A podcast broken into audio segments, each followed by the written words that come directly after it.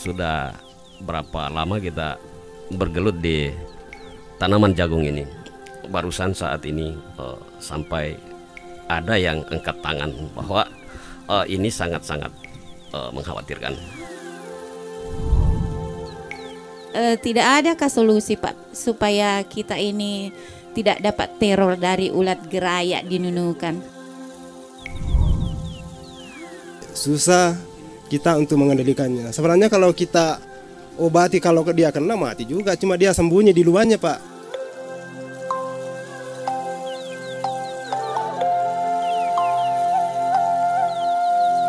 Ada keluhan, ada nada putus asa.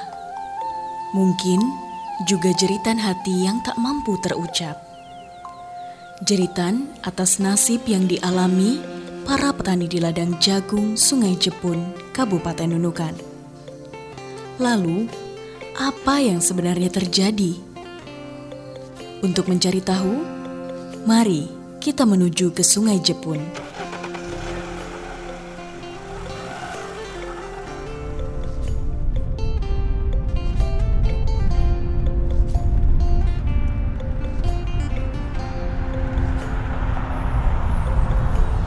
Berjarak 17,1 km dari pusat kota Nunukan, Sungai Jepun bisa ditempuh kurang lebih 28 menit.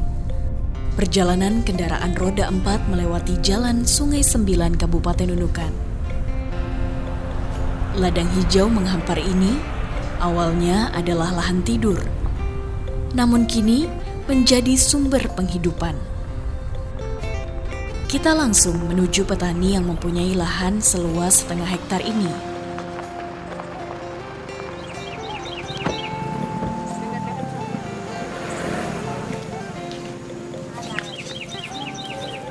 Sampai sudah kita di ladang jagung milik Pak Malik, salah satu petani di Sungai Jepun.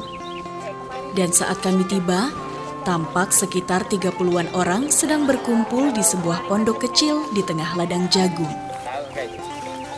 Tahu enggak? Ini apa ini?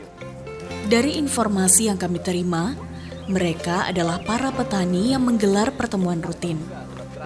Kesempatan ini kami gunakan untuk mencari tahu apa yang tengah mereka diskusikan. Kami pun segera bergabung dalam pertemuan tersebut. Ini ada beberapa hal yang kami hadapi saat ini, termasuk di antaranya yang sangat-sangat uh, mengkhawatirkan adalah uh, ulat kerayak rugi perda ini. Karena uh, sudah berapa lama kita bergelut di tanaman jagung ini. Barusan saat ini uh, sampai ada yang angkat tangan bahwa uh, ini sangat-sangat uh, mengkhawatirkan. Jadi kita tetap uh, mohon dari dinas agar senantiasa. Bagaimana cara pencegahannya? Dari awal pencegahannya tentu seperti itu dan uh, kemudian penanggulangan penanggulangannya karena memang selama ini karena termasuk baru ya termasuk baru di Nunukan baru tahun ini dan bahkan bulan Oktober kemarin kan. Ini. Jadi uh, makanya sampai saya minta pe, pe, bantuan dari uh, dinas pertanian saat itu karena saya kalah dari uh, ulat ini karena beberapa ulat yang lalu-lalu itu kan bisa kita tangani. Ya. Jadi uh, tinggal itu bagaimana cara pencegahannya uh, dan kalau memang sudah diambang batas langkah eh, langkah-langkah apa lagi yang kita harus lakukan setelahnya? Ya mereka tengah berembuk mencari jalan keluar atas masalah yang dihadapi. Persoalan yang membuat petani tidak saja pusing, tapi juga hampir putus asa. Derita mendera, hasil pun hampa. Semua itu berawal semenjak datangnya serangan hama. Hama baru tersebut dikenal dengan sebutan ulat tentara atau petani sering menyebutnya ulat gerayak. Pendengar, pada pertemuan kali ini Persoalan yang dihadapi petani Sungai Jepun kami bingkai dengan judul Teror Ulat Gerayak di Ladang Petani Nunukan. Saku di mana Tuhanku meniti?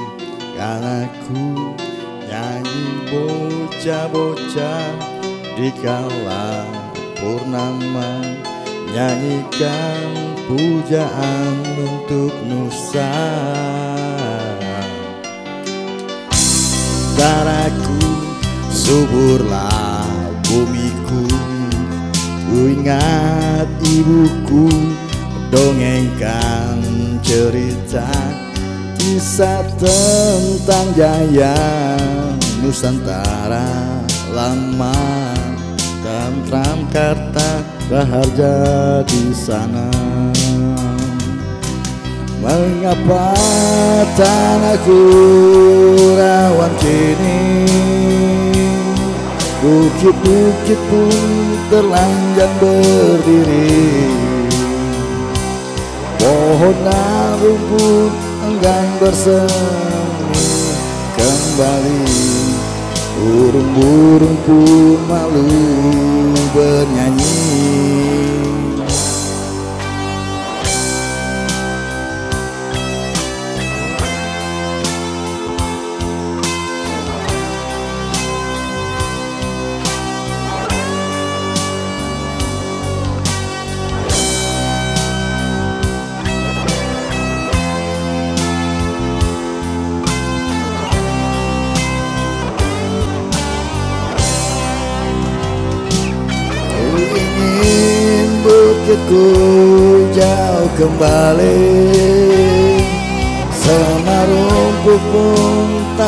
sabar menanti Doakan ku ucapkan hari demi hari. Dan kapankah hati ini lapang diri. Lestari alamku, lestari desaku, di mana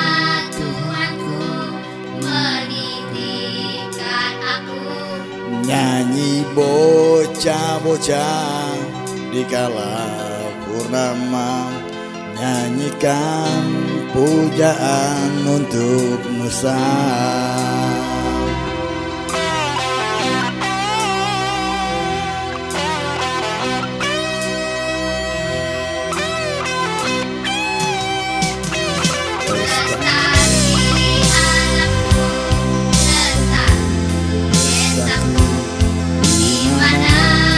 Tuhanku menitipkan aku. Kami kan bernyanyi di purnama nanti, nyanyian langit padamu negeri. Damai saudaraku Suburlah bumiku Ku ingat ibuku Dongengkan cerita Kisah tentang jaya Nusantara lama Tentram kata raharja di sana. Lestari alamku, lestari desaku Di mana Tuhanku menitipkan aku Kami kan bernyanyi. Di rumah nanti Nyanyikan baik padamu negeri. Damai saudaraku oh. Ku ingat ibuku dongengkan Kisah tentang jaya Nusantara lama Tentang kata raharja di sana Lestari Lestari desaku di mana Tuhanku menitipkan aku Jadi nggak sampai sampai panen pak. Eh, kalau kalau yang diserang kemarin yang sampai 100% ada yang eh, boleh dikata lah gagal panen. Yang di sebelah itu hampir 100% juga kemarin di dua, eh, dua minggu. Itu Pak Pak Zul datang juga lihat kemarin itu sekitar 100% itu, hampir 100% itu. Berapa kali sempat kemarin gagal panen Pak Malik? Baru satu kali, baru satu kali. Karena memang tahun ini baru apa eh, kelihatan eh, besar sudah dia. Artinya mungkin mungkin yang lalu-lalu tapi kita belum kenal seperti apa dia kan, belum kita tahu. Ya, tapi yang sekarang ya memang sudah over lah. Berapa kerugian kemarin Pak? Kalau bicara soal kerugian ya lumayan lumayan juga kalau yang karena dia itu yang yang memang hampir gagal total ya Eh, sekitar setengah setengah hektar berarti eh, kalau biaya operasional kan per hektarnya itu sekitar 19 juta lebih. Tragis, kata itulah yang bisa menggambarkan nasib petani Sungai Jepun saat ini. Produktivitas menurun, untung pun tak dapat diraih. Seperti yang disampaikan oleh Pak Malik, petani berusia 50 tahun dalam wawancara yang kita dengar tadi. Pedih, hama ulat gerayak tidak hanya menyerang tanaman jagung, melainkan menyerang tanaman hortikultura lainnya. Di pertanian Sungai Jepun, komoditas jagung adalah produk unggulan. Belasan bahkan puluhan tahun lamanya, senyum petani selalu merekah manakala panen raya tiba. Hamparan ladang jagung di Nunukan Selatan, Desa Sungai Jepun, selama ini adalah sumber kehidupan para petani dan keluarganya. Tapi kini, senyum itu menjadi sendu. Kegalauan terungkap dari apa yang disampaikan Bapak Uju, Pak Palindrung, dan Bu Samsiar.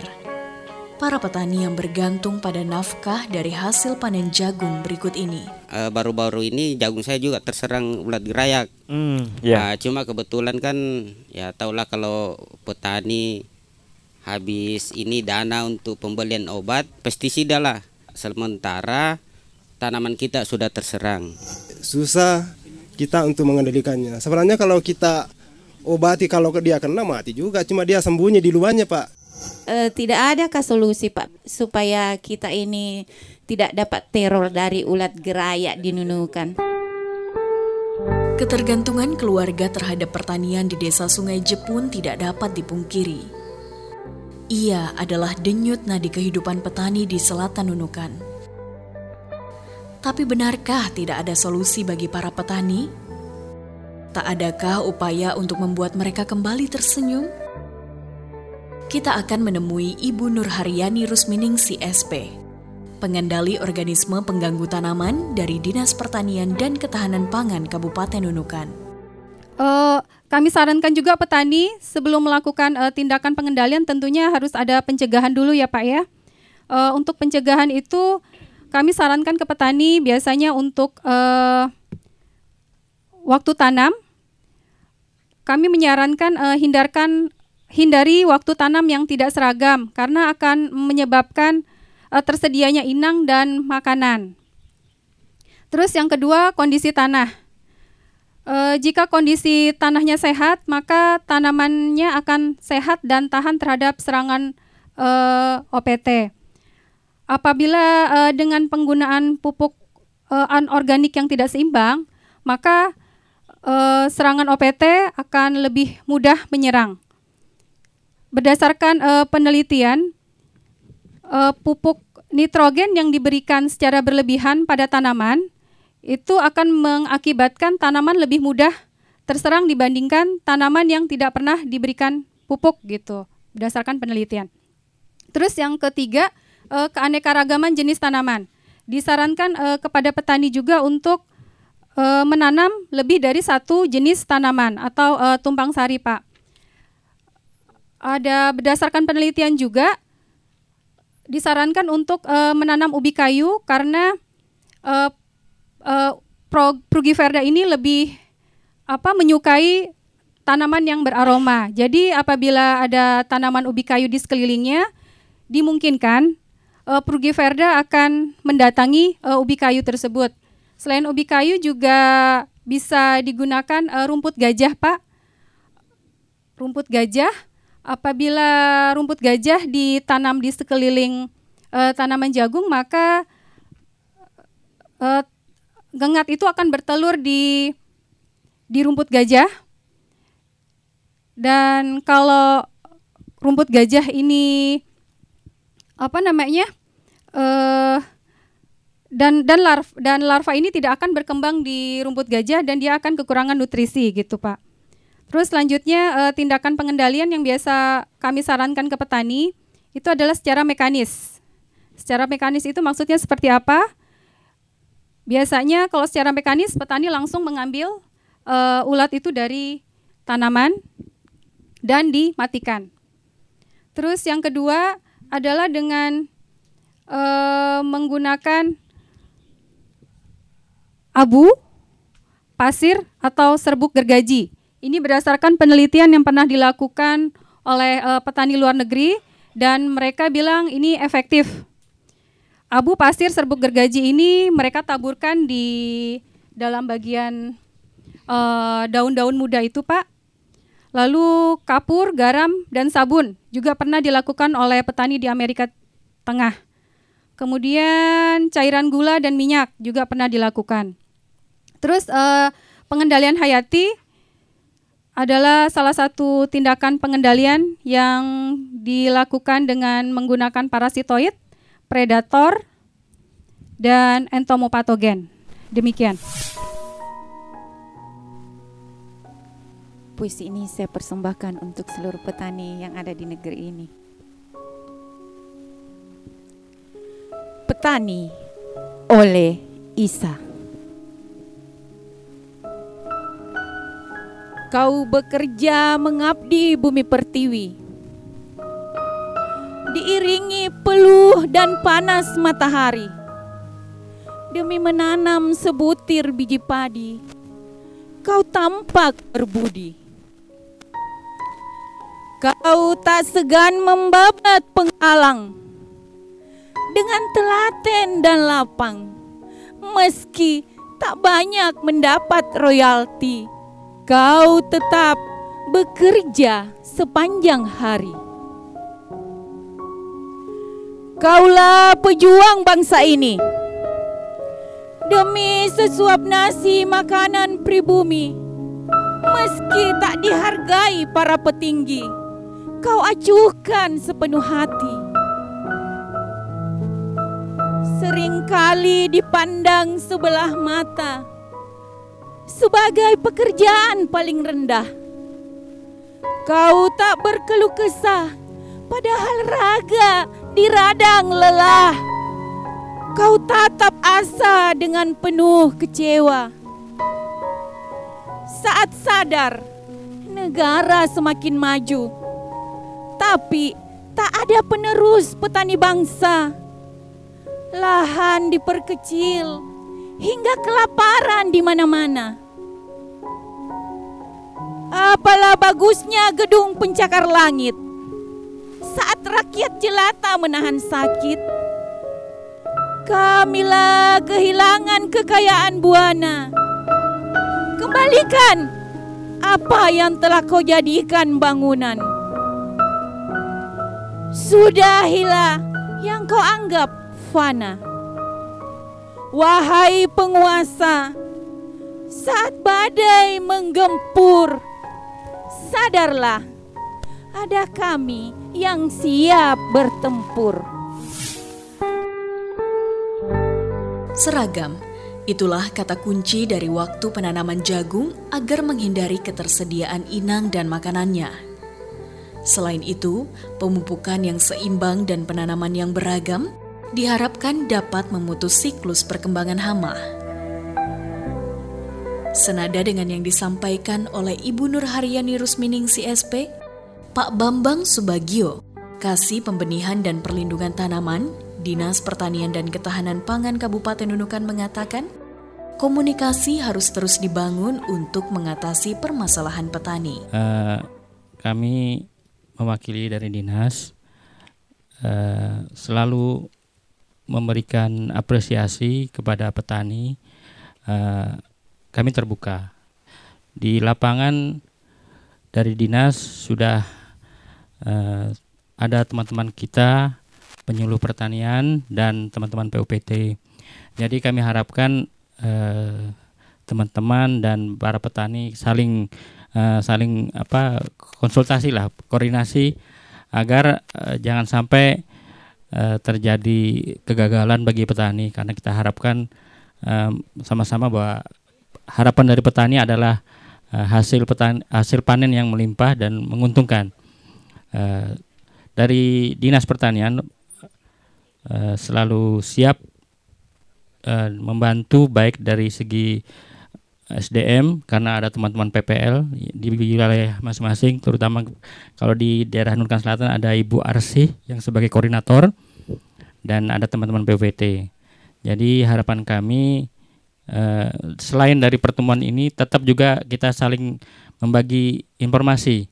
Eh, kami harapkan mungkin karena kan ada sudah segera informasi lewat telepon lebih cepat. Ya mohon bantuannya. Kemudian kami ada lupa ada ada kurang eh, memberikan eh, apa respon tolong diberitahukan kepada kami bahwa di lapangan mungkin terjadi ada hal-hal eh, serangan begini. Jadi kita bisa secepat harapan kami kita sama-sama bisa mengatasinya. Itu aja pak. Makasih Hidup bersama dan menyatukan suara memang bukan perkara mudah. Paling tidak, solusi itu sudah ditawarkan oleh Dinas Pertanian dan Ketahanan Pangan Kabupaten Nunukan yang paham terhadap pengendalian hama ulat geraya. Pentingnya pengawasan mutu hasil tanaman jagung setelah dilakukan penanganan terhadap hama ulat gerayak juga ditekankan oleh pengawas mutu hasil pertanian Dinas Pertanian dan Ketahanan Pangan Kabupaten Nunukan, Ibu Eka Retna Ambarwati SP. Mas ya. Jadi uh, otomatis seperti ini. Jadi uh, dampak dari uh, serangan ulat gerayak ini berdampak juga bagi uh, mutu pangannya seperti itu. Uh, karena uh, sebelumnya uh, tahun 2018 uh, jagung Pak Malik ini uh, kebetulan kita sudah lakukan uh, untuk sertifikasi prima atau jaminan mutu. Jadi uh, untuk saat ini mungkin kita masih di prima 3. Jadi uh, bahwasanya jagung tersebut aman untuk dikonsumsi. Nah, untuk proses terbitnya sertifikasi ini juga bukan gampang ya Mas Min. Jadi kita melakukan uh, pengawasan itu mulai dari olah lahan sampai akhirnya pemasaran. Nah, ini kita lakukan pengawasan. Selain itu juga uh, hasil dari panen itu kita enggak ujuk-ujuk langsung uh, ditimbul sertifikasi tidak akan tetapi kita lakukan uh, uji di laboratorium. Nah, karena kemarin kita juga uh, sudah mendengar ya uh, kalau seandainya uh, bahwasanya jagung tersebut terserang ulat gerayak, kita juga lakukan uh, upaya yang kita lakukan yaitu dengan melakukan pengambilan sampel dan uh, uji ke laboratorium. Jadi uh, kemarin kita sudah lakukan uh, jagung itu kita ambil sampel terus kita lakukan di uh, uji laboratorium uh, yang bertaraf internasional yaitu uh, laboratorium Mutu Agung di Depok. Jadi jagung tersebut sudah kita bawa juga. Jadi ini adalah upaya dari kami uh, seksi keamanan pangan ini untuk melakukan uh, dampak karena uh, dampak dari penggunaan pestisida ini kan sudah sangat banyak ya. Pak ya, jadi kebetulan kita kemarin juga sudah uh, koordinasi juga sama Pak Malik, konsultasi juga uh, terkait misalkan uh, jagung yang kita sudah lakukan jaminan mutu ini keserang ulat gerayak seperti itu. Jadi uh, upaya yang kita lakukan biasanya kita per bulannya kan kita uh, menggunakan rapid test. Rapid test yang alat uji seperti uh, test pack itu langsung kelihatan hasilnya. Tapi karena ini serangannya besar, jadi kita lakukan uh, uji laboratorium supaya kita lebih uh, uh, akurat seperti itu Mas. Misalkan hasilnya ini apakah uh, penggunaan pestisida itu uh, di atas uh, ambang residu pestisida atau uh, di bawah gitu. Jadi kalau seandainya misalkan di atas ya kita mungkin kita akan nanti sama POPT uh, bekerja sama sama teman-teman penyuluh bagaimana uh, solusinya uh, supaya penggunaan pestisida ini tidak di atas BMR. Cuman kemarin kan kita lakukan uh,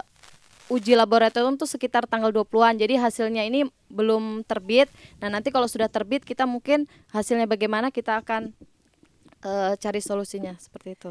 Oke, pengendalian ini pengawasan ya. Iya. Dan uh, tentu ada eh, takaran-takaran ya yang sebenarnya dianjurkan gitu. Nah, takaran yang benar untuk dalam menerapkan eh, insektisida ini ke ke tanaman ke tanaman langsung berapa yang yang cocok gitu, Bu? Nah, kalau untuk takaran pestisida mungkin POPT, POPT. Tapi ya. kalau Hmm. kami nih kebalikannya gitu, Mas. Jadi dampak dari penggunaan pestisida ini, Hmm. misalkan eh, berlebihan. Jadi kita ada namanya eh, batas ambang residu pestisida. Jadi ini nanti dari eh, pengendalian yang misalkan serangannya banyak. Jadi dikasih pestisida terlalu tinggi. Mungkin kita lihat kasat mata jagungnya mulus seperti itu. Tapi dari segi mutu ini akan menimbulkan biasanya rasa pahit seperti itu. Eh, seperti yang kemarin kejadian juga. Jadi kita eh, ada olahan pangan lokal, olahan pangan lokal. Jadi memang berbahan dasar jagung.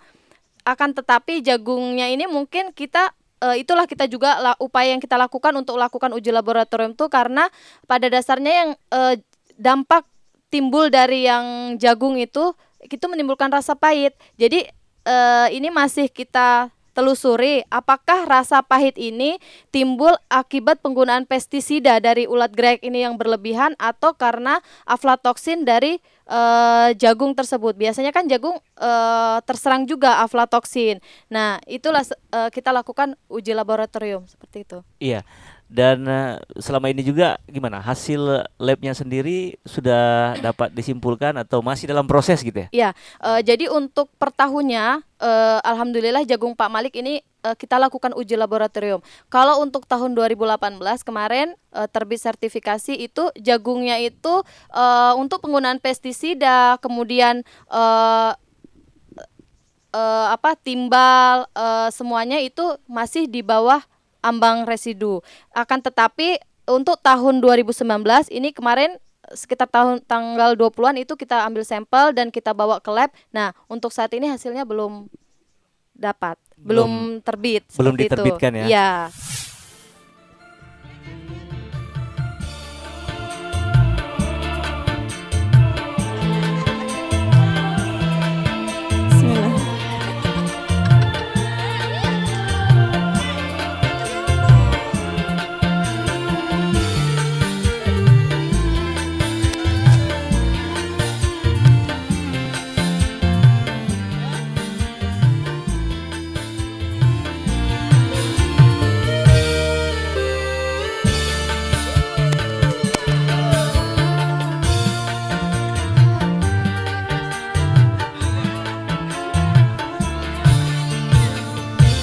Dirimu bagaikan rembulan di malam yang sepi